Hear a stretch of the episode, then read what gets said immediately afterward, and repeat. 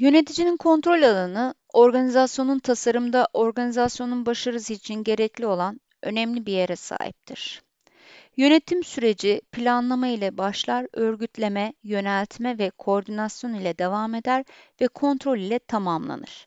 Denetim olarak da ifade edilen son noktadaki bu kontrol, organizasyonun amaçlarına ulaşıp ulaşmadığının veya ne derece ulaştığının ölçülmesidir. Kontrol mekanizması ile amaçlardan sapmalar olduğunda düzeltici tedbirler alınır. Kontrol bu anlamda çok önemli bir organizasyon sürecidir. Bu kontrol sürecinde yöneticinin etkili ve verimli bir şekilde kontrol sürecini işletebilmesi için aslarının belirli bir sayıda kalması gerekir. Bir yöneticinin etkili ve verimli bir şekilde yönetip kontrol edebildiği alan sınırlıdır. İşte bu yöneticiye bağlı en uygun az sayısına da biz kontrol alanı diyoruz. Kontrol alanının dar veya geniş olması yöneticiye bağlı az sayısının azlığı veya çokluğu ile ilgilidir. Bir yöneticiye bağlı az sayısının artması o yöneticinin kontrol alanını genişlemesi anlamına gelir. Çünkü yönetici mevcut zamanını ve enerjisini o kadar sayıda kişiye bölmek zorundadır. Ayrıca organizasyona giren her kişi sadece kendi yöneticisiyle değil, diğer yöneticilerle de ilişki kurduğundan Yöneticiler sadece kendi birimleriyle değil, organizasyonlarının diğer birimlerinde çalışanlarla da iletişim halindedir. Kontrol alanında yönetici tarafından yönetilmesi gereken dört ilişki türü vardır. İlki direkt ilişkiler yani yöneticilerin asları ile olan ilişkileridir.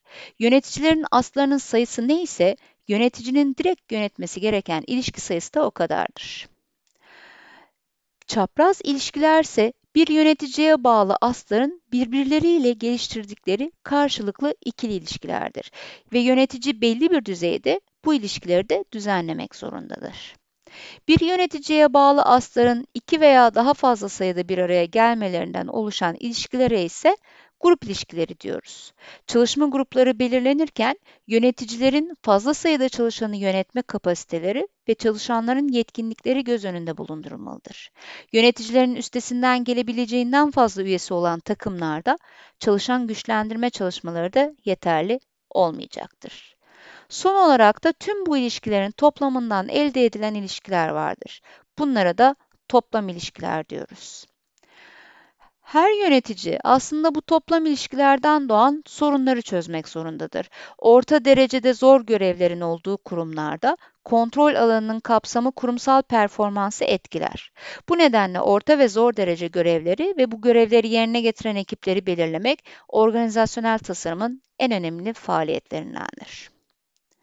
Fransız matematikçi Gray Kuna, bir yönetici kaç hasta yönetirse kaç ilişkiyi kontrol etmek zorunda kalır diye merak etmiş ve ekranda gördüğünüz sayılara ulaşmıştır. Yöneticinin 5 aslı olduğunda bu ilişkilerden doğan 100 farklı ilişkiyi yönetmesi gerekirken eğer 10 aslı varsa tamı tamına 5210 adet ilişki yönetmek zorunda kalacaktır.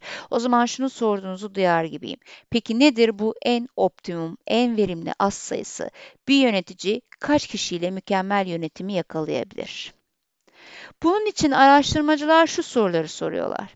İlki, asların yaptıkları işler standartlaşmış mı? Eğer bir astın yaptığı iş ile diğerinkinin yaptığı iş birbirine benziyorsa, yönetici işler hakkında karar vermek ve plan yapmak için çok fazla zaman harcamaz. Bir ast için bir karar verdiğinde bunu diğerlerine de uygulayabilir.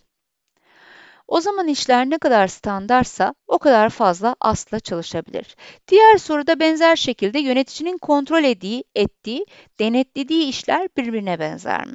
Karmaşıklık derecesi nedir? Eğer birbirine benzer işleri kontrol ediyor ve bu işlerde çok karmaşık değilse çok işin kontrolünü yapabilir. Bu nedenle de az sayısı artabilir.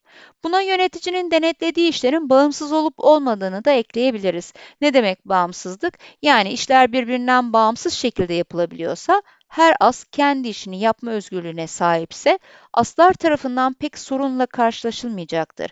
Eğer asların işleri birbirlerini tamamlıyorsa iş biraz karışıyor. Her bir asın yaptığı iş diğerinin işine etkiliyorsa kalite, zaman ve nitelik açısından bir diğerinin çıktısı başka bir diğerinin girdisini oluşturuyorsa burada çatışmalar kaçınılmazdır. O zaman yöneticinin yönetmek zorunda kalacağı ilişki çok daha yoğun olacağından az sayının e, az sayısının az olmasında fayda vardır. Bir diğer soru da şu. Organizasyonun çevre koşulları çok dalgalı ve belirsiz mi? Eğer öyleyse yönetici karar ve planlarını sık sık gözden geçirmek zorunda kalır. Bu durumda yönetici daha az sayıda asla çalışmalıdır. Böylece kontrol alanını dar tutabilecek, birimine daha hakim olabilecektir. Son olarak ve bana kalırsa en önemlisi de bir bölümün faaliyetlerinin yüksek performans göstermesinin ya da göstermemesinin önündeki en önemli kriterler yöneticinin yönetim felsefesiyle yönetici ve asların nitelikleridir. Sektöre, yapılan işe göre değişkenlik gösteren yöneticilik felsefesiyle ilgili faaliyet alanının yöneticiliği yapmaya uygun mu?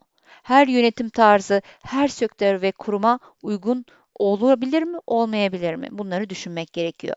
Bir diğer kriter de yöneticilerin yönetsel yetkinlikleri seviyeleriyle çalışan olgunluk seviyeleri. Yani yönetsel yetkinlikler birçok çalışan için belirli bir iş doyumu ve performans sağlasa da bu tek başına yeterli bir kriter değildir. Organizasyonun çalışanlarının da belli bir olgunluk ve profesyonellik seviyesi yoksa yöneticinin kontrol alanının daralması gerekir. Tabii elbette o çalışanlarla çalışmaya devam etmek zorundaysalar.